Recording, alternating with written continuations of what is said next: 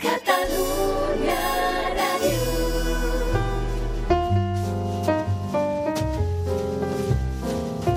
Hola, Gaspar.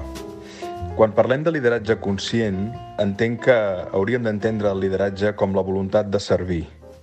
Hi ha, evidentment, i s'ha dit eh, clarament, diferents maneres de liderar.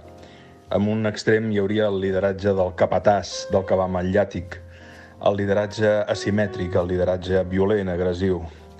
Uh, I en l'altre extrem hi hauria el lideratge entès com la voluntat de desenvolupar el potencial, la creativitat, la consciència i la capacitat d'establir vincles potents de les persones que formen part de l'equip o de l'organització en la qual treballem.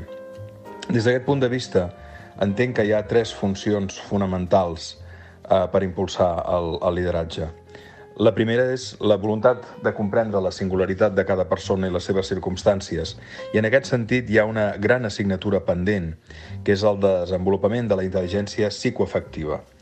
Penso que eh, dintre de lo que és el món de les organitzacions hi ha hagut poc esforç i afortunadament ara cada cop hi ha més iniciatives i persones que es belluguen en l'àmbit de traslladar el que en podríem dir intel·ligència psicoafectiva, és a dir, conèixer molt bé com som, com funcionem, canals de comunicació, motivacions, intel·ligències naturals, perfils de personalitat, estructures de personalitat, és a dir, tot el coneixement que permet veure una persona, orientar-la bé, en funció de com és i com pot esdevenir.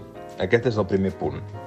En segon lloc, el lideratge conscient també passa per actuar en conseqüència amb aquesta comprensió i donar a les persones el que necessiten específicament per desenvolupar les seves capacitats i els seus potencials perquè el posin al servei d'un bé comú del sistema més gran al qual pertanyen i ho facin d'una manera ètica. No pot haver-hi un lideratge conscient sense cura i sense, sense ètica.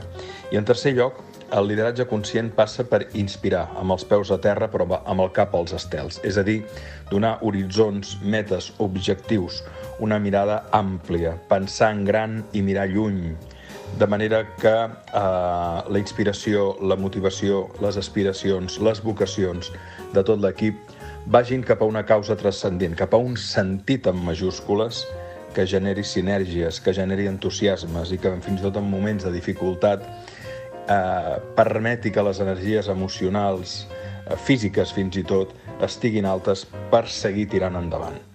Des d'aquestes de, tres dimensions entenc, entenc que hem d'entendre el lideratge conscient.